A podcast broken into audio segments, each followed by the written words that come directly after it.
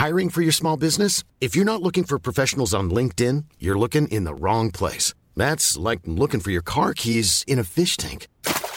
LinkedIn helps you hire professionals you can't find anywhere else, even those who aren't actively searching for a new job but might be open to the perfect role. In a given month, over 70% of LinkedIn users don't even visit other leading job sites. So start looking in the right place. With LinkedIn, you can hire professionals like a professional. Post your free job on linkedin.com slash people today. Välkommen till Nina och Valerie. En alldeles ny podd som vi hoppas att du kommer älska. Men vad kommer vi prata om då? Jo, det blir karriär, livet, kvinnor, motgångar, osäkerhet, självkänsla, sociala medier, framgångar, våra män. Ibland är det bara vi, ibland har vi gäster.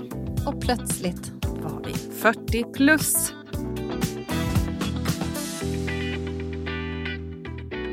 Hej Nina! Hallå! Alltså hur kul är det att se dig idag? Det är eh, inte bara vår, det är, bara, det är du. jag Sunshine vet. in my studio. Det som är så roligt är att när du kom hit så kände jag igen dina steg. Ja. Jag bara, nu kommer Nina. Dunk, dunk, dunk, dunk.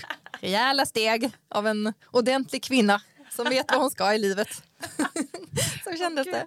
Vad härligt att, den, att det är den auran jag har. Ja. Inte kanske riktigt känner så alltid Nej, inombords. jag vet. Men du visade i dina steg. I mina klapprande... Kanske bara för att jag hade klackar på mig idag också. Det är kan inte det alltid jag har det. Nej. Eh, men idag har jag eh, Belankens boots. Shout out Mm. Sissan. eh, och då får man ju lite extra boost.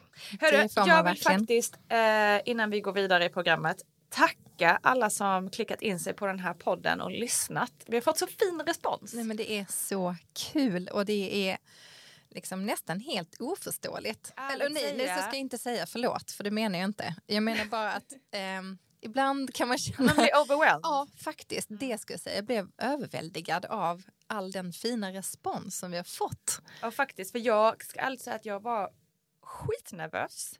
Jag brukar faktiskt inte vara så himla nervös eh, inför så här jobbgrejer. För jag brukar känna att ja, ja, men det här vet jag hur man gör så det, det blir väl bra. Eh, men här, den här podden, jag har ju poddat i över sju år så att jag var inte så nervös för själva eh, poddandet i sig. Men i min podd, andra podd, Vattnet går, då, är det ju, då har jag ju gäster hela tiden som är liksom huvudpersonen. Jag är ju lite i bakgrunden. Och här ska jag plötsligt ta plats själv och liksom komma med mina tankar och känslor och allt. Och det känns ju lite så här, då kommer den här dåliga självförtroendet in lite. Gud, varför ska någon lyssna på mig? Vem bryr sig om mig? Eller du vet så här, så jag var Jag skitnervös. fattar, jag fattar. Och det roliga är att jag, för mig är det precis tvärtom. Du har sånt jävla Nej, men, självförtroende. nej, Jag men det menar jag inte. Men jag menar så här, jag har ju aldrig poddat förut. Nej, nej. Så jag är ju mer nervös när vi ska podda. Ja, Alltså för att då känner jag mig mer, det här har jag ingen koll på. Nej, men däremot, ehm, ja men liksom själva grejen i som sig, det har jag inte varit liksom nervös för. För jag har verkligen känt att det här tror jag på så himla mycket. Ja. Och det gör ju du med. Men det har varit jättekul att få den här bekräftelsen nu från alla våra lyssnare. Att eh, de ändå har saknat en podd som denna och att eh, just det här djupdyka i Jag ska 40 faktiskt- plus. Jag ska faktiskt läsa ett DM för dig, eller ett, ehm, en kommentar vi fått som är så jävla fin. Eh, Från Karo Wiklund. Woop, woop. Eh, hon skriver så här. Jättebra. Redan i första avsnittet lyckades ni få till ett skönt flow i såväl tempo, energi som innehåll. Hjärta-emoji. Det, är långt ifrån alla poddare som lyckas med det. Imponerande att ni gör det så bra på direkten. Och det jag gillar allra mest är upplevelsen att ni är på riktigt. Att det finns en genuin äkthet i det ni lyfter och vill lyfta längre fram. Se fram emot nästa avsnitt. Oj, tack snälla Karo. Alltså igen. gud vad vi blir, alltså jag blir så glad för det är verkligen det som jag också vill med den här podden. Ja men också det, precis som du Ja. sa innan. Att den här typ, alltså jag hade ju kanske förväntat mig att en del skulle vara nyfikna och skulle lyssna. Men inte att någon skulle skriva så fin kommentar. Vi har fått många sådana fina kommentarer. Ja, men det är och det är så kul. Och det var därför det var extra kul att se dig idag Nina. För jag tycker att nu tycker jag vi kan, vi har ju ändå jobbat ganska länge med det här och vi är så glada att vi äntligen har fått nå ut och nå fram till er. Ja, och att vi nu Tack är för att ni här. lyssnar. Men nog om skryt och Alltså har du en timme till? Nej. Exakt. Alltså det är en som ringer nu tre gånger på raken. Jag måste bara kolla vem det är. Förlåt. Mm. Nina Campioni. Livet som influencer. Okej, ehm, går det att ställa på trappan utanför. Jättebra. Tack snälla. Nu kom det ett bud till Nina Ja, Campioni. Exakt. Var hon tvungen att styra. Influencer live. Har du ett speciellt rum där du ställer alla dina produkter? Alltså, Ett sånt förrum liksom. Alltså det sjuka är att jag har ju det. Nej, inte, men det är en garderob. Det är en sån här, ni, ni som har sett Vänner, alltså tv-serien Vänner, vet att Monica har en garderob där ingen får gå in. Ah. Eh, eller Chandler inte får gå Ja, in. just det. Ehm, och de kan liksom inte låta bli att öppna den här dörren. Och när de öppnar så inser de att det bara väller ut skit, skräp, gamla liksom t-shirtar från 1973. Alltså typ så. Ett sånt rum har jag. Ehm, för det är nämligen så här att i vårt hem så är Simone min man, han är liksom lite av ett neat freak. Han hatar när det är stökigt, han hatar att det ligger saker framme. Eh, det är han som städar helt enkelt. Gud vad nice. är lite mer av en slarver eh, och har inte så mycket heller problem med att det kanske ligger en hög med, med olika papper och en klubba. Eller så här, jag Alltså, gillar, jag skönt gillar att inte att ha det stökigt, det gör jag inte, men jag får inte panik Nej. om det liksom ligger lite Okej. saker framme. Så därför har jag min, liksom, mitt eget sanctuary i den här garderoben där det är okej att bara kasta in saker, det kan ligga kläder på golvet. Eh, jag får liksom leva mitt liv där inne. Så vi har liksom bestämt det, jag och min man, att den här garderoben är din. Du, du, den får se ut hur fan den vill. Eh, och då, då är det liksom där är- samsas både kläder och sen lite så här jobbbud, eh, influencerbud. Eh, för det är så, tack eh, får man ju säga eh, som influencer att man får en hel del grejer. Ja. Vissa får mer än andra ska vi säga. Jag, jag är ju inte en sån influencer som får berg av saker. Det, det ska jag inte säga. Nej, det ska Men- man kanske vara tacksam för då. Ja, nej, men Det är fak- rätt faktiskt. Jag tycker att det är rätt lagom nivå. Hanterbart. Det är Ja. hanterbart. Och det är ju en lyx men också eh, vissa, som vid påsk till exempel, då kan det komma väldigt mycket för då är det många som ska skicka Ja. påskpresenter. Tips är resa bort som jag gjorde. Fick inte en enda postpresent. Nej men det är ju jättelyxigt naturligtvis. Men då är det också på, då slänger jag in sånt där också så kan jag ta hand om det sen. Eh, så, så nästan har jag ett, ett influencerrum. Är det lite av en så här modern sjukdom det här att man har den här ångesten man kan få över alla människor som skickar bud till en? Det är, alltså ser jag ett bud, då, då höjs min stressnivå liksom upp. ja det är ju en influencersjuka kan vi Det är säga. det menar, det är en ny sjukdom. Det är arbetsrelaterad, utbränd, utbränd influencer. arbetsrelaterad undrar om man kan anmäla det till Försäkringskassan. Jag vet inte. Utbränd som jag får för mycket saker. kan, man, kan man bli utbränd av det? Alltså jag undrar nästan om man inte kan det. För jag kan känna, alltså bara igår. Jag har en, jag har liksom en, ja, jag har alltså en, en, liksom en to-do av mina bud Mm. som jag har fått. Alltså då känner jag mig skyldig att lägga upp någonting om det här. Och så är jag ju inte skyldig, men det är det vi ska säga det också att många företag skickar ju saker till influencers för att man hoppas att man då kanske ska lägga ut någonting på Instagram exakt. om den här nyheten som har kommit. Mm. Eh, och ibland så är ju det kanske en relevant, relevant sak som man får som man känner men det här vill jag dela med mig av för det här är en bra sak som jag tror på och tycker om. Mm. liksom. Men oftast känner jag mig bara tvungen faktiskt. Ofta känner man sig bara tvungen Ja. och det är ju ingenting vi får betalt för. Nej, absolut inte. ut. Så att, eh, Så det är som en extrajobb som man känner att man måste göra. Mm. Eh, för att jag tror att många känner att de måste göra det för att hålla sig på god fot med den PR-byrån eller det varumärket eller så. Och på något sätt tycker jag det känns som att det förväntas att vi ska göra det. Och att man är dålig om man inte gör det. Det. Så det tycker jag är så knivigt. Det är lite en eh, ond cirkel för det är heller sällan tror jag som kanske våra följare blir så här, åh vad kul! Nej, vad bud." kul att du fick det budet. Nej men alltså vem bryr sig om det? Helt Exakt. ärligt, ni får väldigt gärna skriva och kommentera om detta. Faktiskt. Vill ni se de buden som vi får eller inte? alltså Eller skiter ni Eller- fullständigt i att en influencer får ett bud? Hur som, det var inte det vi skulle Nej, prata om. Men nu, blev det, inte. men nu blev det en liten passus och det kanske var, eh, kan vara intressant ibland. Eh, Så plötsligt ringer telefonen i direktsändning och då, då är det som det. Då händer det grejer. Nej men alltså Nina, idag ehm, ska vi ju egentligen prata om, bland annat prata om en eh, mycket mer viktig sak än influencerbud. Eh, vi ska prata om när livet liksom på något sätt förändras väldigt drastiskt över en natt nästan. Mm. Ehm, och vi ska prata om Ninas klimakterie och hur det gick till när du fick veta att du faktiskt hade hamnat i klimakteriet. Let's do it. Ja, kan inte du bara börja berätta lite grann om hur det gick till? Ja men så här i efterhand så inser jag att det började redan eh, när jag och min man försökte, eh, skulle försöka få ett syskon till Essie. Eh, och då var ju jag 37-ish egentligen.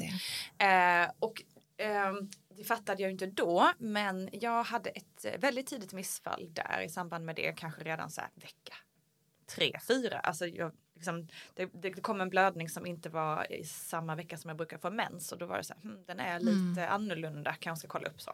Mm. Och då insåg jag, ja men då var det ju liksom ett tidigt missfall, eh, vilket ju är extremt vanligt så det kändes inte särskilt jobbigt faktiskt. Hade du, förlåt, men hade du ja. fått veta att du var gravid eller var du blev, nej, du visste det, var, det när nej. du fick missfallet? Ja precis, att jag, ah, okay. vi, jag visst, vi försökte ju så att jag var liksom det, det, var så här, ja ah, det skulle kunna vara. Eh, och så var det just det här att den kom, eh, den här blödningen kom eh, lite off schedule så att säga. Plus att den var lite annorlunda i, liksom, i konsistens. Eh, Nina kommer lägga upp en bild sen på hur du menar där. Exakt. Eh, det finns inga gränser här, jag berättar allt. Öppen bok. Eh, hur så? Och du, i, i och med det så tänkte jag, ah, men jag gör en gynekologundersökning och så kan vi väl lika gärna, när jag ändå är där, eh, kolla hur min äggproduktion ser ut. Och då, då, fick jag veta av den här otroligt eh, liksom ömma gynekologgubben. Efter då så fick jag ett mail från honom där det står så här. Hejsan, eh, ditt svar har kommit. Du eh, har eh, väldigt låg äggproduktion och kommer antagligen inte kunna bli gravid. Ha det så bra! Oh, nej. och, men gud, det är helt Hur sjukt. kan man skriva så? Nej, det är helt... Jag anmälde faktiskt honom. Bra att du ehm, gjorde det. Och det är någonting också som jag vill uppmana alla som lyssnar.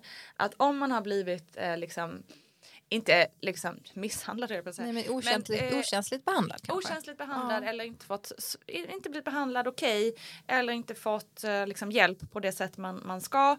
Anmäl det till IVO direkt eller anmäl till kliniken eller liksom bara ta inte det. Eh, det är skitviktigt att det här kommer in i statistiken. Men jättehemskt, hur kändes det för dig då när du fick det här eh, mejlet och öppnade gud, det? Jag grät och grät och grät och grät. Det var ju liksom, ja. jag tänkte okej okay, vi kommer inte kunna få fler barn. Nej. Det kommer vara helt omöjligt. Eh, för det fanns ingen lösning heller. Nej, det, det var bara så här, hej då, tack och hej. Eh, och så jag grät och grät och grät. Och sen fem dagar senare var jag gravid. Oh. Eh, och då var det liksom så här fuck you gubbjävel. Ja, För det, i slutändan det. är det så här, absolut. Jag hade låg eh, eh, liksom äggkant men eh, det krävs ju också bara ett bra ägg. Eh, ja. liksom. Men detta var då um, efter dina två andra barn, eller hur? Eh, nej, det här var ju då alltså när jag, när jag blev gravid med Rocco. Det är när du blev gravid med Rocco? Ja. Okej, okay. för då... du har ju en dotter sedan tidigare. Ja, men precis. Mm. Exakt. Eh, och, då, och sen så då blev jag ju gravid och sen tänkte inte jag mig på det. Liksom. Jag nej. tänkte vilken idiotgubbe och sen gick jag vidare i livet. Ja. Eh, men nu efterhand så inser man ju att, att det redan då var ett tecken på att jag var ja. på väg in i tidigt klimakterie eftersom mm. jag inte hade så mycket ägg kvar. Nej. Men Eh, sen när jag var mm, 39 var jag väl så började mensen bli lite oregelbunden. Det kanske var att den missade en månad och, och eh, liksom sådär. Eh, och sen var jag också helt säker på att jag var gravid igen. För att jag eh, brösten började ömma, de blev också större, plötsligt satt jeansen lite hårdare. Du vet de här typiska tecknen på att någonting håller på att hända i kroppen. Just det. det kändes också som att det rev och slet lite i äggstockarna och liksom jag bara, jag är gravid. Jag behöver inte ens ta ett test. Känner, det känns exakt som det har gjort exakt. innan. Man känner ju igen de där symptomen. Mm. Eh, men så tog jag ju test naturligtvis och så var det negativt. Jag bara, okej, okay, men det kanske är för tidigt då. Och sen tog jag ett till och sen ett till och sen ett till. Alltså jag höll nog på i tre, fyra veckor att ta test. Oj. Och bara, vad fan, okej. Då är jag kanske inte gravid, men herregud vad är det som händer i min kropp? Jag är sjuk då. Just det. Jag måste ju vara, jag måste ju vara jag började, vet, jag började måla upp oh, att jag, jag var typ sjuk i en döende sjukdom. Ja, ja, ja. Det, så där tänker jag också, lite hypokondrisk som man ja, är. Ja, och jag brukar egentligen inte vara så hypokondrisk. Nej, det är jag. Men däremot så, så, så var det mm. så tydligt att det var någonting som hände i min kropp som inte hade ett, liksom en, en rimlig, liksom, man säger koppling till att jag var gravid. Liksom. Jag var Nej. ju inte gravid så vad fasen, alla de här symptomen det är ju ingenting jag hittar på. Liksom. Nej, det där känner man ju väldigt tydligt. Ja, exakt. Så då bokade jag tid hos en gynekolog och då fick jag veta eh, genom att man tar ett blodprov Mm. att jag då var i för tidigt klimakterie. Och då var du inte ens fyllt, då hade du inte ens fyllt 40. Nej. Nej. Och du var också inne i en tid där du faktiskt funderade på att skaffa tredje barn. Ja, vi ville ju väldigt gärna ha Ja. fler barn. Så, så mitt i allt det här liksom med att du, ni funderar på att utöka familjen, du är ändå uppenbart i en ålder där du fortfarande kan, eller till synes ska kunna skaffa barn, så får du veta att du är i klimakteriet. Alltså hur kändes det när du fick veta det? Exakt. Alltså den dagen när du fick veta att du var på väg in i klimakteriet, vad hände? Eh, alltså först var det ju lite av en lättnad eftersom jag trodde att jag var eh, typ hade cancer. Ja, jag alltså det fattar. var min så här, shit. Då är ändå klimakteriet lite lättare att hantera. Exakt. Tror vi. Då kändes det lite som, okej, jag kommer få leva vidare. Ja. Ungefär på den nivån. Sen eh, blev det ju liksom, ja men lite så här, du vet de här olika stegen av sorg. Ja. Eh, med att man först blir arg, eh, denial, vad nu allt de här är. Jag Mm. kommer inte ihåg exakt vilken ordning det är. Eh, men först var det ju lite så här, uh, okej, vad är det här? Hur funkar det? Fattar ingenting. Nej. Och sen bara, nej, gud, det kan inte stämma. Det kan ju inte stämma. Jag är ju liksom Nej. 40 bara. Jag kommer inte ihåg om jag hade fyllt 40 eller om jag var 39. Ja. Någonstans Någonstans där. Någonstans. Mm. Eh, det måste ju vara något, nej, kan ju inte stämma. Eh, och sen arg, det här liksom, vad fan, varför händer det alltid med kvinnor? Vi ska gå igenom jävla skit, först ska vi ha mens, sen ska vi föda barn, sen ska vi, du vet så här. Allting händer oss, jävla män! Tell me about it. liksom den. Och Ja. sen jättemycket sorg i det att vi då antagligen inte skulle kunna få fler barn. Nej. Och grejen var att hon, gynekologen sa väl också så här att vill ni ha fler barn då behöver ni säga det nu för då måste vi sätta igång en IVF-process liksom. Och då var vi lite så här. Ja, vi vill verkligen ha fler barn, men nej, jag vill inte börja mixtra med mer hormoner. Eh, IVF-process. Jag, I min podd Vattnet går också har jag också intervjuat många kvinnor som har gått igenom IVF-process. Och det är ju inte bara någonting som man bara, ja, det gör vi då. Liksom. Nej. Eh, det är ju en jättetuff utmaning. Eh, och där kände jag med respekt för alla som har gått igenom det. Eh, att, och vi har två barn. Vi har liksom Mm. en fantastisk familj.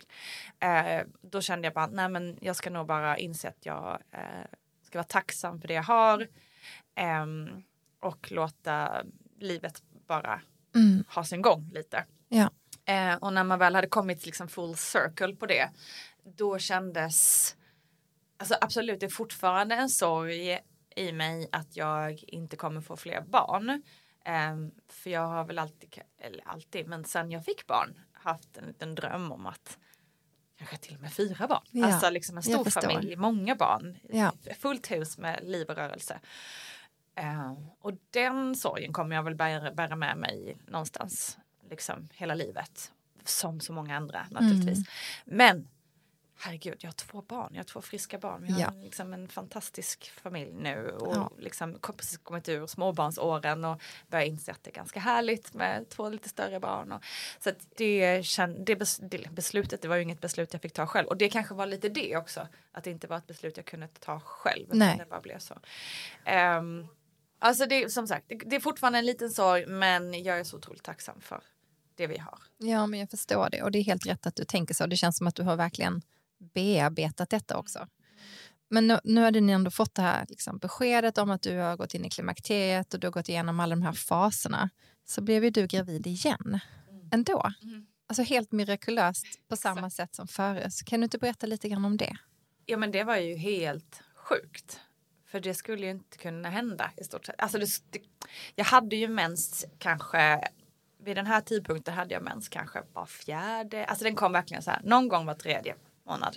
Sen var den borta i ett halvår och sen kom det en blödning igen. Så det var ju verkligen så här ingen cykel att tala Nej. om. Men det fanns ju ändå någon ett ägg här och där. liksom. Ni bara låg varje dag. Säg låg- låg Varje dag, ifall ifall. Eller bara en gång i halvåret. Eller- och- jag vet inte vilket. Vilket är bäst? Jag tror frågan. på det där varje dag. Nej. Eh, nej men så var jag gravid. Och det var ju helt sjukt. Eh, Det måste ha blivit, alltså tänk så här, då har du ändå gått igenom alla de här faserna. Exakt, det var ju också så chockartat för att jag, jag var hos gynekologen för att jag ehm, en gång tidigare hade jag eh, fått eh, på en annan gynekologundersökning eh, upptäckt att jag hade cystor på en av äggledarna. Eh, så här godartade cystor vilket ju är ganska vanligt men ordet cysta är ju så otroligt eh, laddat. Det är det. Och sen så hade jag då börjat känna lite samma känsla eh, i äggledarna. Eh, och tänkte shit, jag måste genast till gynekologen för att kolla liksom. Jag blev så jävla stressad över det. Eh, och då så skulle vi ha en, ett, ett ultraljud där igen då, eller hur de nu gör undersökning. Ja, det är väl ett ultraljud de gör. Eh, och så tittade hon och bara, hmm, ehm, vet du, eh, har du tagit något gravidtest på sistone? Jag bara, nej. liksom. Nej. Och hon bara, nej, okej, för jag ser ett foster här. Jag bara, what? Du bara, I'm Virgin Ma- Maria, how can this happen? Exakt. Alltså så sjukt. Jag var ju där för att kolla om jag hade liksom syster och så bara, nej du har ett foster. Ändå, du måste ändå blivit väldigt glad, tänker Jag jag. blev så glad. Ja, jag jag fattar blev det. så glad och min man blev helt överlycklig. Ja, Ehm, och sen så, men så sa hon förvisso att hon, eh, det var lite för tidigt men det var lite svårt att se om hon kunde se ehm, hjärtat eller hur det var. Hon var osäker. Mm. Ja. Så hon var lite så här, kom tillbaka om tre veckor. Eh, men försök att inte vara för glad liksom. För ändå det kan svårt vara ju. liksom, att det är då en så här ofosterlig graviditet som det Ja. heter. Eh, men det var ju omöjligt. ja, var det går ju inte. omöjligt. Nej. Alltså, vi var så glada. Eh, och det här var också påsk tror jag, eller om det var hö- någonting. Så det var att vi skulle träffa min familj, mamma, pappa, min bror, hans familj. Och vi skulle liksom ha middagar. Ja, vilket ju ofta då är det väldigt liksom- svårt att dölja. jättesvårt att dölja och jag kunde inte dricka, ville ju inte dricka Nej, vin då heller. klart. Så då var det så här, hörni jag måste bara berätta. Liksom. Ja. Och alla var så wow gud vad kul där. Liksom så här. Ja. Alltså det, och grejen var att jag mådde illa. Jag hade alla de här symptomen. Exakt alla gravidsymptom. ehm, som var. Så jag bara så här, "Ja, men jag känner, jag är ju gravid så det måste ju Ja. vara liksom. Och sen kommer vi då tillbaka på det här. Och sen, nej, sen var det det sjuka. Det här blir ju en lång story. Men eh, när jag skulle då gå till gynekologen för att liksom kolla. Samma morgon får jag en blödning. Ah, Samma morgon. nej. Så då var det så här, okej, nu går jag till gynekologen, jag vet ju att det redan Ja. är över. Eh, och så gick jag dit. Och då såg hon ju mycket riktigt att det inte var något hjärta som bankade, att det inte var något mer då. Nej. Så då blev det ju, ja men, eh, missed abortion eller vad man nu kallar det för. Och så det blev, eh, ja med hela det här tråkiga med att ta piller och ska stöta ut det själv. Mm. Och sen fick jag inte ut allt så jag fick göra skrapning och hela den processen Ja. som var ju så sjukt jävla jobbig. Ja. Eh, och så ledsen för det var så en otrolig berg och dalbana i det liksom. För liksom redan gått igenom hela den här sorgen över att inte kunna få barn. Sen bli gravid, bli jätteglad. Eh, och sen få en blödning och inse att det är kört och sen få det bekräftat att det är kört. Mm. Och sen tro att man är färdig efter att man har då blött, blött, blött ut det hemma. Vilket Ja. ju bara är så barbariskt överlag. Eh, alltså, oerhört trött och arg på hur sjukvården behandlar Mm. kvinnor. Och sen också få beskedet av gynekologen, ja ah, men det ser fint ut, du har fått ut allting. Och sen inse att man inte har fått ut allting eh, senare och få gå in och göra en skrapning och bli sövd och hela den processen. Oj. Ja, är det... Alltså det var så eh, too much to handle. Vi Ja. får gå igenom så jävla mycket, vi kvinnor. Ehm, Jag kan inte ens ja, föreställa mig det, Nina. eh, det Ja. var eh, jävligt mycket under några månader där Mm. faktiskt. Ehm, Ja, det var det- tungt, det var det. Verkligen. Cool fact a crocodile can't stick out its tongue. Also, you can get health insurance for a month or just under a year in some states. United Healthcare short term insurance plans, underwritten by Golden Rule Insurance Company, offer flexible, budget friendly coverage for you. Learn more at uh1.com. There's never been a faster or easier way to start your weight loss journey than with PlushCare. PlushCare accepts most insurance plans and gives you online access to board-certified physicians who can prescribe FDA-approved weight loss medications like Wigovi and Zepbound for those who qualify. Take charge of your health and speak with a board-certified physician about a weight loss plan that's right for you. Get started today at plushcare.com slash weight loss. That's plushcare.com slash weight loss. plushcare.com slash weight loss. Usch, din historia, jag får liksom rysningar när jag hör den. Uh, jag kan verkligen, alltså även om det, jag inte varit där så kan jag ändå känna, jag har varit där på sätt och vis men inte ändå, men att de känslorna som kommer när man blir gravid eller när man försöker skaffa barn och det tar lite tid och sen blir man gravid och så. Alltså jag vet ju hur det känns, det finns ju ingen större lycka på den här jorden. Och det finns ingen större rädsla än att då bli av med sitt barn eller sin graviditet. Så jag känner med dig verkligen fruktansvärda upplevelser. Och sen också det här i bakhuvudet klimakteriestressen. Mm, um, och vi vet att det kanske inte går igen. Eller Nej, men liksom. precis, och vi mm. hade ju verkligen så här, eller jag hade i mitt huvud så även fast man visste att så här, tar ni inte ut något i förskott så var man ju ändå så här, ah, mm, vad ska vi göra nu med bilen? Nej, men det går ju inte, och, det är helt omöjligt. Och vad kul det ska bli och, och ja. liksom berätta det här, ja. här på Instagram, typ mot alla odds. Ja. Du vet, våra, våra liksom mirakelbebis. Ja, som, faktiskt. Vet, man, man såg ju, allt det där framför sig. Exakt, man har ju önskat det. Ja. Mm. ja, sjukt. Men nu har det gått lite tid och mm. Um, när du ser tillbaks på liksom själva händelsen, nu har du ändå berättat ganska mycket, men vart är du idag liksom emotionellt kring detta? Nej men det är väl precis som med den andra sorgen att det kommer nog eh, kännas eh, liksom det är väl mer drömmen man, man är ledsen för att man inte ja. fick liksom uppleva. Och sen med den här liksom ständiga ilskan som jag bär på kring mm. samhället, liksom det patriarkala samhället som bara inte finns där för oss kvinnor Nej. när vi behöver det. Um, det tycker jag det var så himla tydligt i den här mm. processen att det var liksom in, ut, Precis, eh, blir du ledsen? Jaha, men ta det här pillret, gå Precis. hem. Du förklarar dig själv lite. Precis, exakt. Eh, och verkligen noll ja, men noll mm. respekt eller noll, noll, noll vilja att liksom vara där för Nej. oss. Och det är också de tillfällena som man behöver få det nästan serverat. Här har du en, eller, ja, en psykolog att prata med Precis. eller så jag tror vissa, bara några samtal hade hjälpt. Ja, verkligen. Det ska, det, det ska vara mm, det ska finnas, rutin. Det ska ja, vara så här, okej, okay, du har en abort här, du har gått igenom en skapning, här är din tid för att träffa ja, Det ska terapeut. ingå.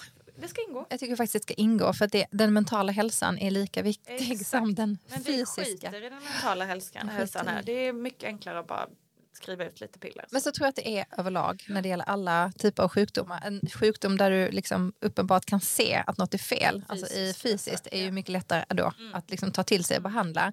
En psykisk sjukdom och mm. eh, även sånt här eh, som också påverkar en extremt mycket mentalt. Precis. Men det är så tråkigt att man inte ser hela värvet. För att, men om vi människor mår dåligt, det blir vi dålig, liksom in, inga bra produktiva människor som, eh, som jobbar bra, som, som återbetalar till samhället bra. Det blir ju liksom liksom, alla förlorar på det. Ja. Det finns något att ta upp här från detta. Oh, Sjukvården, yes. ni som lyssnar. Jätteglada om ni tar tag i det här. Mm -hmm. Och kanske kommentera om ni vet någonting, alla ni som lyssnar. Ni kanske har fått hjälp på något sätt som inte eh, vi vet om hur man kan få hjälp. Mm. För det är ju som, som alla säger, för att vara eh, sjuk och måste man orka, eh, orka vara frisk. Eller vad säger man? måste vara frisk för att ta tag i sina man måste bara orka ta tag i att få den vården man ska ha. Eller så. Ja. så skriv gärna om det är så att ni vill tipsa om någon annan som har gått igenom detta och fått hjälp. Vi finns ju på Instagram, Nina och Valerie 40 plus. Det är bara att gå in och skriva. Oh, Följa yes. såklart. Uh, Nina, tack för att du liksom delar med dig av den här väldigt emotionella historien. Jag tror att vi är så många som har gått igenom någonting i den här stilen. Mm. Uh, nästan alla man vet har ju gått igenom någonting, Precis, typ av missfall eller exakt, så. så det är ju det, så himla vanligt. vanligt. Och jag tror att det är, finns fortfarande väldigt mycket skam kopplat till det. Um, eller kanske inte skam, men det är just det här att det är så otroligt personligt och um, det finns så mycket känslor i mycket glädje, så mycket sorg och allt det här. Ja, men vi har ju fått lära oss att vi ska trycka bort, att vi inte ska berätta, att vi ska hålla det för oss själva och att vi ska liksom um, inte liksom lyfta upp våra, våra framförallt saker som rör the downstairs area. Det, ska ju, det har ju varit så framförallt liksom, ja. nu är det bättre med de yngre generationerna men mens och sånt det skulle vi inte vi prata om. Vi skulle smussla med våra tamponger och mensskydd och det skulle liksom sådär. Um, så att vi har ju fått lära oss det. Att vi ja. inte ska prata om Nej. när vi blöder eller när vi liksom när det är något jobbigt där nere. Just det. Um, och då blir det ju skamfullt. Ja, ofta. verkligen. Och då hänger det ihop med ja. hela den här delen. Och så är man en dålig kvinna för att man inte kan behålla barn. Alltså det är så mycket som är sån bullshit. Det är bra att du brinner för det här Nina och hjälper till att ändra på det. Tror du också att det finns samma skam över klimakteriet? Absolut. Är det liksom, anses det liksom... Du är ju så osexig. en dåligt. klimakteriekossa. Ja, exakt bara där. Ja, men det är ju det. det. Så har det ju varit tidigare. Eh, det är bara kärringar som svettas och äckliga och, uh, och, och nej det ska vi inte heller prata om. Och, fy vad äckligt. Vi är äckliga när vi blöder och vi är äckliga när vi inte blöder. Ungefär så. Ja, jag fattar. Jag tänkte på det faktiskt häromdagen eftersom vi skulle prata om det här idag. Jag tror att det här med puberteten.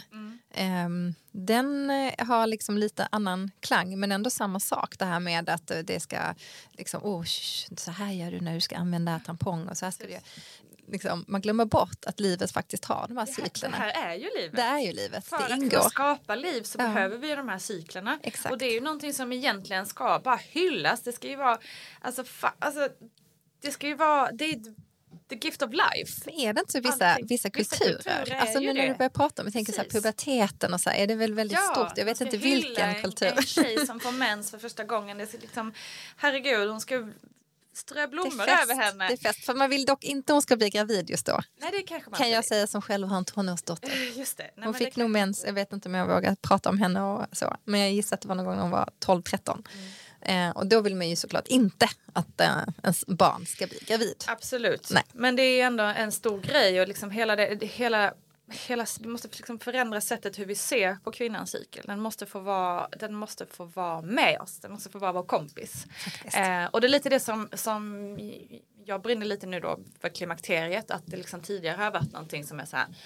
"Ah, ah, ah, Nu är livet slut. Nu, liksom, eh, nu blir du gammal och nucka och liksom du vet sådär. Men så har ju lite narrativet varit Ja, innan liksom. Och, och på sitcom sådär så har det varit någon äldre tant som svettas och, och så skrattar man åt henne och så. Men vad fan liksom i Japan till exempel så ehm, finns det ett ord för klimakteriet och det går att översätta med den nya våren. Wow, Är inte det vackert? snyggt! Eller hur? Jag För det, det är älskar lite det. jag känner nu när jag liksom då kommit ur eh, det som har varit jobbigast. Ja. Som vi kommer in på sen. Eh, att jag känner mig lite så. Det är lite ny vår. Nu är jag, nu är jag inne i ett nytt stadie i livet. Så nice ju. Som är liksom efter klim, liksom, ja. Men för det var en grej jag tänkte på också. Nu när du då kom in klimakteriet tidigare, kommer du komma ur klimakteriet tidigare också? Ehm, ja och nej. Alltså egentligen gör jag ju Du det. fick bara en längre tid. Ja, men precis. Nej, men det gör jag Grattis. ju egentligen. Men Ja. i och med att ehm, sjukvården helst, alltså när man kommer in i tidklimakteriet så som jag har gjort, det är ju ganska ovanligt ändå, eh, även om det absolut händer eh, många, ehm, att kroppen ska ju egentligen bli av med sitt så östrogen och allt det här efter 50. Ehm, 50-55 där någonstans, liksom det är mer eh, in, normalt inom situationstecken. Eh, och då är kroppen med på det. Då är det liksom så här, ah, men nu ska ju det ut. Så Just det. det är fine, liksom. vi behöver inga mediciner eller så utan så, om man har jättes, jättesvåra symptom så det kan man absolut ta medicin för att dämpa dem och så. Men rent liksom naturligt så ska ju det här ut ur kroppen. Men när du är 40 som jag var ehm, då är ju inte det en nat- naturlig process utan då ses det lite så, inte som en sjukdom kanske, men som någonting som behöver, man behöver hjälp med det. Kroppen behöver hjälp med det. Eh, dels för att, att komma i tidigt klimakteriet kan också orsaka att man kanske får problem med andra saker lite längre fram. Eh, och därför så går jag nu på behandling, eh, alltså östrogenbehandling. Ah, Och det gör Du att äter jag nu, tabletter. Precis. ja, Och det gör att jag nu då har en cykel igen. just det. Eh, så därför förlängs ju min process. Ah, ja. Så då är ju tanken att jag ska Just det. äta de här Ah, tills du blir tills jag 50. blir Nej, men 53 oj, oj, oj, oj. Och det kändes ju Det rätt långt. galet när jag fick Ah. höra det. Jag bara, nej men gud, nej det orkar jag inte. Eh, och jag är också uppvuxen med ehm, där man liksom inte ens tar Alvedon när man har Nej. huvudvärk. Jag är liksom verkligen inte, jag är absolut ingen antivaxxer, absolut Nej. inte. Eh, vi, hela familjen har tagit alla sprutor och så. Men men vi har liksom, jag var uppvuxen med det att liksom, nej men gud, lite huvudvärk kan man leva med. Eller, ja men inte ta, inte ta medicin i onödan. Inte ta Fattar. Och nu måste du ta varje och dag. Och nu Mm. måste jag ta varje dag. Så det har ju varit en lite lite svårt för mig faktiskt. Jag började faktiskt med att så här, självmedicinera med lite så här, naturläkemedel och nu kommer någon bara så här, åh gud jävla idiot. men, eh, ja, men och, och liksom, det hjälpte faktiskt mig med, rent med vissa symptom och så. Men sen så har jag ju mer, eh, liksom, för grejen var ju också att när jag fick veta det här av min gynekolog, då sa hon så här, ja det finns ju vissa behandlingar, men gå hem och googla lite och läs på så kan du bestämma hur du vill göra. Jag bara, Usch, intressant. Googla och läs på. Det är inte du som ska komma med informationen till mig då. Som hon kanske ville ge dig en liten indikation på att det finns alternativa behandlingar. Nej, jag tror att hon ville ge mig en indikation på att ja. hon inte hade någon jävla aning om, ja. om det här med klimakteriet. Vilket också är så väldigt tydligt att det är allmänvården kan ingenting om klimakteriet. Det, det är tyvärr så. Nej. Um, och väldigt lite forskning finns om klimakteriet. Så det är vissa specialister som kan det. Här. Det är ju inte klokt. Med tanke på att faktiskt alla kvinnor hamnar i klimakteriet. Det gör vi alltså det är ju ändå Hela en hundraprocentig säkerhet. kommer hamna där. Men det är också ett sånt otroligt tecken ja. på hur lite man bryr sig om den kvinnliga hälsan. Mm. Uh, tyvärr. Tråkigt tycker jag att det är sådär. Ju fler som pratar om det och ju fler ja. som ställer krav desto viktigare kommer det ju bli. Absolut. Jag kommer ju agendan upp. Men i alla fall när jag väl träffade någon eh, som kunde det här då fick jag ju mer koll på det här med långsiktiga problematiker man kan få eh, när man som jag då kommer i tidigt klimakterie. Så därför har jag gett med mig och börjat medicinera dem. Finns det något annat man kan göra om man då vill göra något mer alternativt? Finns det något eller är det eh, helt kört? Ja men alltså det finns ju, jag har ju då som sagt Eh, liksom, jag tänker för de kvinnor som kommer in i klimakteriet när det är den naturliga gången så att säga. Då finns det ju faktiskt tänker jag i alla fall om man är intresserad, eh, fina naturläkemedel som hjälper till att minska symptomen åtminstone. Kanske om man har mycket så här vallningar, sover dåligt eller andra typer av liksom, så fysiska symptom. Eh, och faktiskt vissa mentala symptom mm. så kan man dämpa det med eh, gud, det kommer, nu kommer vi få en kritik nu säkert från så här läkare och allt möjligt. Men, ja, vi ska inte, vi bryr oss inte om dem. Jag tycker whatever det har works. för mig. Eller hur? Det kanske inte funkar för alla. Nej. Men det finns absolut om man är intresserad. Jag... Man kan skicka DM till mig om man undrar exakt vilka produkter det är. Ja, jättebra. Du kan ju dela med dig av dem sen ifall folk är intresserade. Jag tror också en annan sak som verkligen har funkat för mig, um, i alla fall när det gäller PMS-besvär och så, är ju träning. Uh, ja. Och jag, jag, vet att det, liksom, det kan ju låta lite banalt men jag måste säga. Fast det är ju eh, forskningsbaserat att ja, träning hjälper. Exakt. Men det är vissa, jag märker att vissa blir lite så provocerade när jag säger det. Jo, men det är nog också för att många kanske får höra det här om man till exempel är deprimerad. Mm. Så är det många, ah, ut och spring med dig bara. Precis, alltså, alltså det, låter, det, det menar att det låter lite banalt. Precis. Men det, det, finns ju otroligt mycket forskning som, ja. som stärker den tesen att fysisk aktivitet ja. eh, förbättrar ju allt. Exakt. Både fysisk hälsa och mental hälsa. Jag ska bara säga att jag har gjort min egen research där i det, eh, då, för jag säga, omedvetet.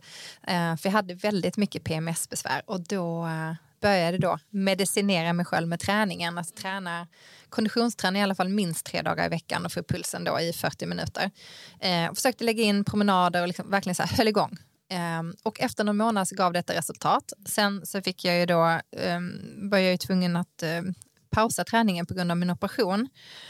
Åh jäklar, som ett brev på posten kommer de här PMS-besvären tillbaka. Så. Nej, det är Oj. så vidrigt. Så nu har jag börjat liksom, springa igen. För att det är det enda som hjälper. Och om man då tänker som dig, om man kanske inte vill ta den här medicinen, för jag fick också medicin utskriven till mig om jag ville, liksom så här, någon dag jag kände mig väldigt nedstämd eller liksom kände att PMSen var för jobbig, så skulle jag ta den här tabletten. Vilket jag gjorde någon gång då och då, men sen när jag märkte att träningen hjälpte så pass bra så behövde jag inte ta det. Och faktiskt, det försvann så pass mycket att jag inte ens tänkte på det. Underbart. Så det är ändå fantastiskt. Och där har jag ju testat. Och nu när jag då inte har kunnat träna så har jag känt igen, så kommit tillbaks. Ja. Mm. Så träningen, alltså träna för psyket är ju verkligen så, alltså så rätt. Men det är verkligen det, jag håller helt med. Sen är det klart att det är skönt att du blir stark och uthållig också. Ja, men... det är ju många, många bra ja, sidor. Det finns ju inget dåligt. Det enda är ju att det kan bli en press att man ska ja, träna. Exakt. Men om man försöker tänka på det som en del av sitt, men alltså så här, en del av sin psykiska hälsa snarare än att liksom det här utseendekravet. Jag tror också att ja. det är viktigt att veta att det inte alltid måste innebära att oh, jag måste träna, att det måste vara så här, en timme på ett pass eh, fyra dagar i veckan. Utan att träning är ju också liksom rörelse. 40 minuters promenad. Exakt. Cykla Eh, med ditt barn till skolan. Exakt, alltså all typ av rörelse. Hoppa ju- av två tunnelbanestationer tidigare. Absolut. Det hjälper, men det hjälper inte lika mycket som man får upp det här flåset. Nej, men det måste man också. Jag tror att en lite Men snabbare promenad då. Varje gång måste det inte vara. Nej, eh, varje gång måste det inte vara. Men jag tror att man ska tänka i flåsbanor, så här 40 minuter tre gånger i veckan. Ehm, Det är, nu är jag ingen expert, jag har lyssnat väldigt mycket på experter, men det är det som det är faktiskt en stor skillnad bara på att gå en PV eller gå en liksom promenad till att du går liksom en PV där du liksom ändå aktivt. aktiv, alltså du svettas, du blir varm, pulsen går upp. Det är det du ska titta efter. Ehm, så det är. PV, alltså powerwalk. Ja, det är powerwalk.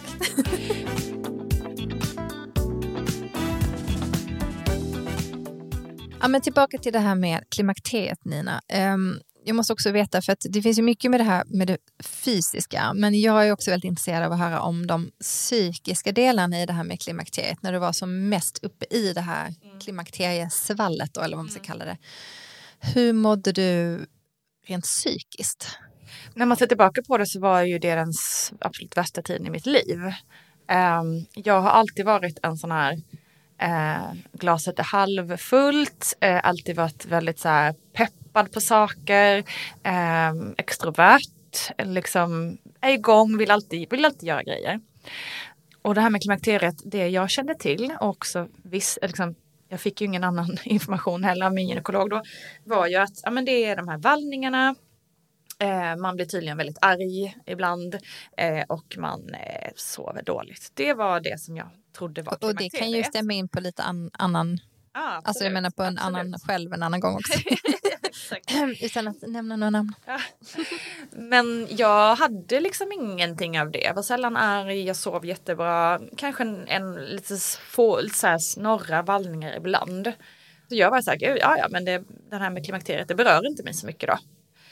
Men sen började jag må så, alltså jag kan inte säga att jag mådde dåligt men allting blev tråkigt. Allting var en gråzon. Allting var så här, Um, min man, ett tidigt exempel var när jag skulle fylla 41. Vi var i Italien, alltså världens mest fantastiska ställe. Solen sken. Min man ordnade först så att vi skulle gick på en hike han och jag i så här en obeskrivligt vackert landskap. Ehm, vi tog liksom en så vinlunch. Sen Gud, så eh, fixade han en överraskningsfest till mig med alla kompisarna som bor i Italien. Så jag blev så här, alltså det var en fantastisk dag. Men allt, allt jag kände var så här, ja vad kul. Typ så. Tråkigt Nina. Så kände jag Åh. och så var livet. I som en nästan- beige nästan- film. Som en beige film. Det var inte så att jag var deprimerad till, till det, det stadiet att jag inte ville gå ur sängen eller liksom så. Men det var ingenting som var kul, jag kände inget pirr. Eh, jag såg inte fram emot något särskilt. Eh, jag var otroligt stresspåverkad. Eh, minsta lilla grej, jag blev väldigt stressad. Mitt minne blev otroligt dåligt. Det var liksom på den nivån att jag satt liksom på datorn och skrev och så skulle, öppnade jag en flik. Och bara, vad var det jag skulle göra på den här fliken? Alltså, Så, det var helt- jag, alltså jag, fatt, jag hör vad du säger. Det där är ju jättekonstigt från ingenstans. Bara. Och då min instinkt på, svar på det var så här, bara, gud jag kanske är på väg att gå in i väggen. För symptomen är ganska lika. Ja. Stress, liksom, dålig stresstålighet, dåligt minne. ehm, inte tyckte att något var kul. Nej. Det är ju liksom så här ganska tydligt. Antingen det, så antingen gå in i väggen eller att jag var deprimerad. Mm. Och det gick faktiskt så långt att min man sa, men Nina jag undrar om inte du är deprimerad. Och då reagerade jag så här, "Åh, fan vad vet Då du? blir du arg. Dum i huvudet. jag är Men- självklart inte deprimerad. Nej, Hur exakt. kan du tro något sånt? Nej, men men det vill sa- man ju inte nej, men det vill man inte tänka. inse. Nej. Och man vill framförallt inte att någon annan ska liksom, komma in och Nej. bestämma hur jag mår. Nej. Eh, och jag har också så här, nej gud jag är ingen deprimerad person. Jag är alltid liksom, glaset halvfullt. Liksom. Det är ju min bild av mig själv. Liksom. Eh, så det var ju lite irriterande. Men det sådde ändå ett frö. Så att jag bokade till slut tid hos terapeut. Och började jobba med min, min stressproblematik och fick jättebra redskap med att eh, hantera stressen och sänka tempot och börja tacksamhetsträna. Och det hjälpte jättemycket till, till en viss grad. Eh, det blev mycket bättre, stressen blev bättre, jag mådde lite bättre. Men det var återigen inte förrän jag träffade den här experten på klimakteriet Men som hon började rada upp symptomen. Så det var det ju först de här vallningar, dålig sömn och sen bara depression, eh, min, eh, dåligt minne. Hon skrev upp det på en tavla. Så här. Hon Jag gjorde bara det tidigt för dig. rysningar. Jag bara satt där och bara började gapa. Jag bara vad fan är det hon, vad är det hon säger? Det liksom var som att hon talade bara till mig liksom. Jag bara Ah. och liksom dagen efter så bokade, eller samma eftermiddag så bokade jag tid på den här kliniken. Eh, och bara allt det här som hon skrev, allt det där Det är ju fantastiskt. Det måste, vara, måste ha varit en väldigt skön känsla att få Ja. att bli, för att bli sedd i det Det här. det verkligen. Samtidigt som jag också blev så jävla förbannad. Det har ju gått liksom ett och ett halvt, två år Ja, det är mått, lång tid. mått jättedåligt. Men Liksom. hur- Och bara inte fått, Ja. för, jag, för att ingen hade sagt. Ingen hade, jag, kunde, jag hade inte förstått att det fanns de Men symptomen. hur hittade du den här personen som hjälpte dig då? Nej men det var tack och lov då för mitt, mitt jobb så var jag på en press eh, eh, ett, en, en pressfrukost eh, där det här stället Hercare som är en klinik bara för kvinnliga eh, kvinnlig hälsa, kvinnliga hormoner. Eh, Mm. Och de hade precis öppnat så de var liksom berättade om sin nya klinik. Eh, och hon då grundaren, Mia Lundin, berättade om klimakteriet just. Så det var bara så här. Det blir lite reklam här för Ja men det blir lite reklam men men, det jag tycker att tycker de vara värda det. är. Det som är väldigt tråkigt är att de då inte ingår i svenska vårdsystemet så att man får ju då betala för sin Ah, vård vilket ju okej. är vansinnigt. Eh, för det här ska ju alla kvinnor kunna få. Ja. Jag hoppas att det kommer vara så snart. Men jag kände först att helskotta i satan var dyrt men jag måste bara få mig svar. Mm. Jag Och måste, det fick jag måste ta den här kostnaden. Eh, och det fick jag och då fick jag behandling och, och när jag började behandlingen så var det som väldigt många som har varit deprimerade som eh, sen får hjälp med antidepressiva. Att det var som att lyfta på rullgardinen. Nej, men det måste ju varit Det en sån bara så här, upplevelse. Färger. Ah. Det finns färger i livet. Jag blev pirrig för jag skulle göra något kul. Jag skulle på underbart, tjejmiddag. Det var så pirrigt. Jag bara ah! Satt Åh. på tunnelbanan och bara ah, Åh. kände, vet, det där, jag kände livsglädje och bara shit.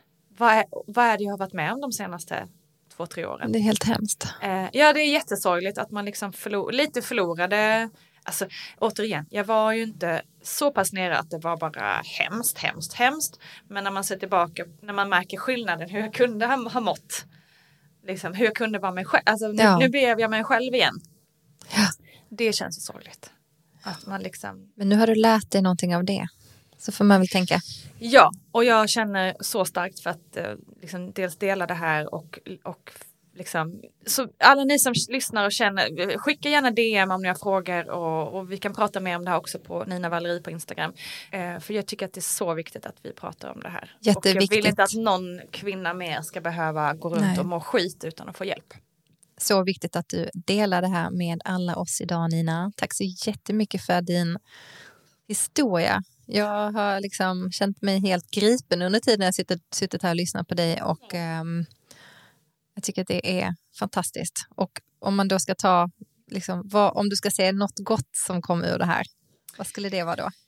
Alltså visst, det, det finns väl ingenting som, önsk, som jag önskar att åh vad glad jag är att jag kom i klimakteriet tidigt. Det finns det kanske inte. Men jag känner i alla fall nu någon form av purpose i det hela att liksom lyfta den här frågan som jag känner att ingen faktiskt har lyft tidigare. Det finns en podd som heter Klimakteriepodden som jag gärna tipsar om. Eh, Åsa Melin som driver den och hon har ju eh, verkligen drivit den här frågan. Eh, Så jag ska inte säga att ingen någonsin har lyft det innan, men det har ju varit en så pass gömd fråga. Ja, och det kanske är fint att det kommer från flera olika håll Precis. och du med ditt eh, sociala nätverk kan dela det bland dina följare och så vidare och väcka liksom, tankarna hos andra och att kunna sprida det här och framför allt också det du pratar om, liksom, att få kvinnors, alltså göra kvinnors hälsa ännu viktigare. Ja men precis, få upp det på agendan. Ja. Och jag tror också liksom, nu är ju klimakteriet en sån typisk grej precis som graviditet. Att innan man är där så går man ju inte omkring och tänker på det så Nej, himla mycket. så Och man förbereder sig inte för det kanske. Men det kan ändå vara bra att så här bara, just, jag tänker just de här mentala symptomen. eh, tror jag är så viktigt att man bara har koll på att aha, det kanske kan vara någonting med min hormonella hälsa som gör att jag mår lite dåligt. Liksom så. Ehm, det tror jag bara kan vara nice att ha i bakhuvudet. Liksom. Så viktigt.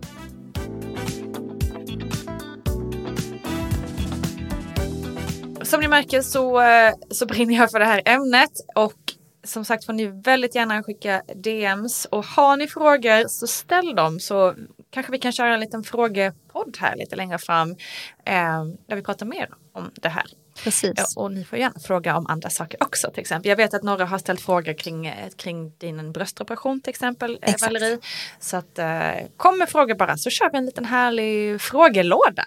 Alltså det tycker jag låter helt utmärkt. Härligt. Och så lägger vi upp en tråd ehm, här, samma dag som det här avsnittet släpps så lägger vi upp en tråd på Nina Valerie på Instagram så pratar vi mer. Idag blev det ju ett ganska allvarsamt ämne, eh, men vi känner också att ibland så är ju livet allvarsamt och vi älskar ju att vara glada och ha, och ha det roligt och prata om roliga lättsamma saker, men, men faktiskt så eh, är det viktigt att prata om det här också och vi brinner väldigt mycket för att eh, det här med att må bra. Ibland blir det sådana avsnitt och eh, där vi bjuder lite mer och lite djupare på oss själva helt enkelt. Ja precis och vi, det här är också det vi vill med podden. Vi vill eh, ta upp det som sker i medelåldern och vrida och vända lite på det eh, och bli starkare tillsammans. Ja, och medelåldern är ju så häftig eh, och eh, bland annat så innebär det ju att man kan hamna i klimakteriet. Exakt. Vissa och som andra, andra, vissa- japanerna säger, klimakteriet och medelåldern, det är den nya våren. Ah, det klappar vi för. Woho! Vi ses nästa vecka hörni. Tills dess hänger vi på Insta. Ha det gott så länge, hejdå! Kram! Avslutningsvis skulle jag bara vilja säga till er som känner igen er i min story och kanske funderar på om ni också kommit in i förklimakteriet att verkligen gå till närmsta vårdcentral eller till din gynekolog och be dem att kolla dina östrogennivåer med ett väldigt, väldigt enkelt blodprov. Hos gynekologen brukar man också kolla till exempel slemhinnorna och gå in med ultraljud och sådär. Och en del gynekologer anser då kanske att ett blodprov inte behövs utan att de enkelt kan se om man är i förklimakteriet eller inte. Men försök då ändå kanske att stå på dig och be om det ändå, för just för att få svart på vitt hur dina hormonnivåer ligger till. Lycka till!